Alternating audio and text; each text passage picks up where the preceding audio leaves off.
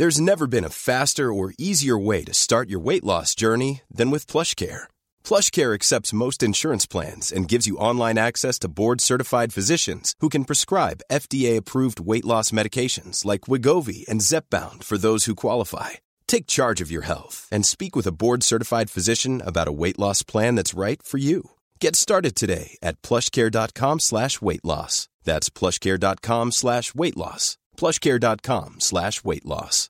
One size fits all seemed like a good idea for clothes Nice dress. Uh, it's a it's a t-shirt.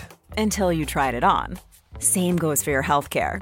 That's why United Healthcare offers a variety of flexible, budget friendly coverage for medical, vision, dental, and more. So, whether you're between jobs, coming off a parent's plan, or even missed open enrollment, you can find the plan that fits you best. Find out more about United Healthcare coverage at uh1.com. That's uh1.com. This is Paige, the co-host of Giggly Squad, and I want to tell you about a company that I've been loving, Olive and June. Olive and June gives you everything that you need for a salon quality manicure in one box. And if you break it down, it really comes out to $2 a manicure, which is absolutely insane.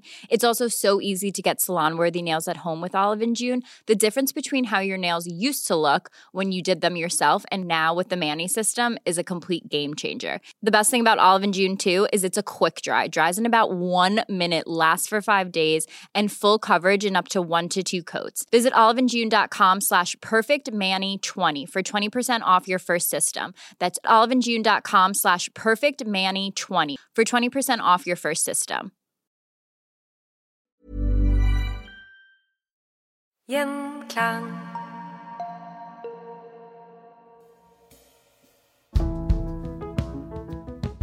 Vi snakket tidligere om kompisbataljoner under første verdenskrig, men det var en annen gruppe inn under disse, nemlig fotballag.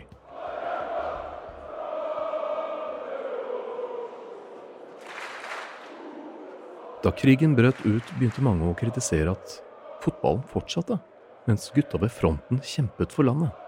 Det ble, kanskje ikke akkurat rart, sett på som feil og usmakelig at krigsdyktige menn fortsatt drev med idrett fremfor å kjempe for moderlandet.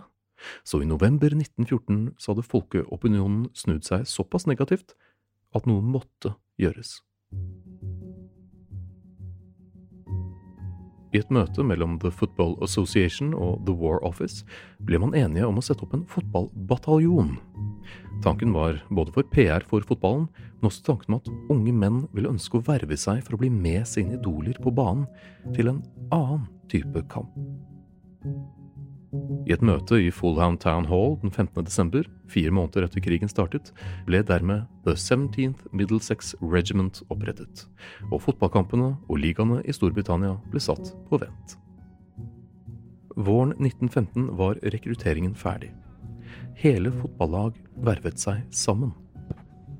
Altså ikke bare startelveren, men innbytterne, trenerne, assistenttrenere, hjelpeapparat, de som klippet gresset på banen, altså alle ble med. Vekke fra fronten, altså man var jo ikke satt ved fronten hele tiden, man hadde jo pauser. Så spilte de så mye fotball som mulig, for å heve moralen til soldatene rundt. Det ble laget en turnering, hvor vinnerne fikk medaljer laget av sølv. Men da de skulle deles ut, var flere på vinnerlaget ikke lenger i live. Under de første slagene mistet såpass mange livet at hele 716 nye menn med tilknytning til fotball ble rekruttert. Etter hvert måtte et helt nytt fotballregiment bli hentet inn. 13. november 1916 var det tykk tåke og gjørme. Man kunne nesten ikke se foran seg. Og The 17th Middlesex-kompaniet ledet an en offensiv ved å gå foran og spille munnspill. Det gikk ikke så bra. Hundrevis døde, ble skadet eller rapportert som missing in action. Året etter, ved Ara-offensiven, ble samme kompani omringet og mistet elleve offiserer og 451 soldater. Krig er tragisk, men jeg føler jeg må nevne noen av stjernene som deltok. En av disse var den første fargede infanterioffiseren i den britiske hæren, Walter Toll. Han signerte for Tottenham Hotspurs i 1909 og ble av aviser beskrevet som den smarteste spilleren på banen. Dessverre ble det bare ti kamper på han hos Tottenham, fordi motstandernes fans ga han så mye tyn for å være farget at treneren ikke turte å ha han på banen lenger. Etter hvert ble han signert for Northampton, for hva som bare ble beskrevet som en signifikant sum, altså mye penger, og spilte over 100 kamper for dem, før krigen kom. Og han, med mange andre, vervet seg. Under krigen signerte han faktisk for Glasgow Rangers i Skottland, men dessverre fikk han ikke bevist mer på banen da han mistet livet i Calais 25. mars 1918. En annen var Laton Orients toppskårer. Altså, det het ikke Laton Orient da, men det ble det senere. Men uh, deres toppskårer, Richard McFadden, han var opprinnelig fra Skottland. Og utenfor banen hadde han allerede blitt et heltesymbol etter å ha reddet en elleve år gammel gutt fra å drukne, samt senere ved å løpe inn og bære ut en mann fra en brennende bygning. Han vervet seg så som så mange andre. Faktisk hele Laton Orient vervet seg. 41 stykk. McFadden steg raskt i gradene og ledet sin gruppe, men i slaget ved Somme kom krigens realitet dundrende inn på ham.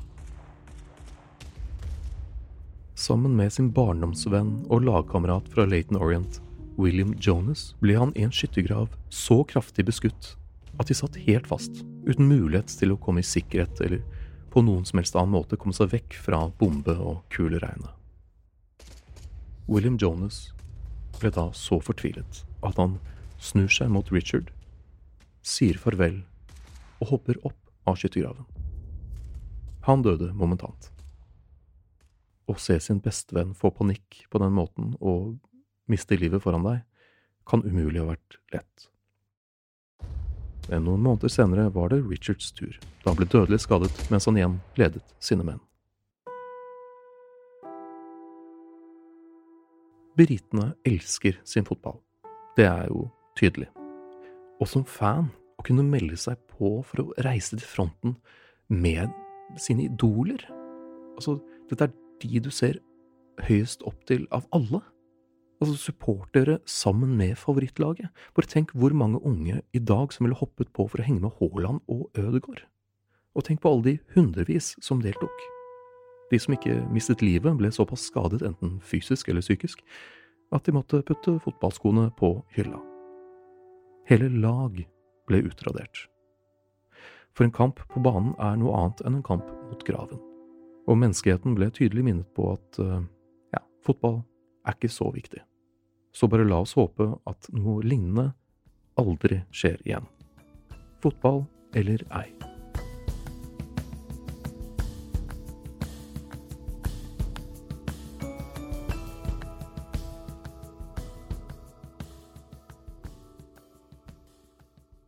Gjenklang.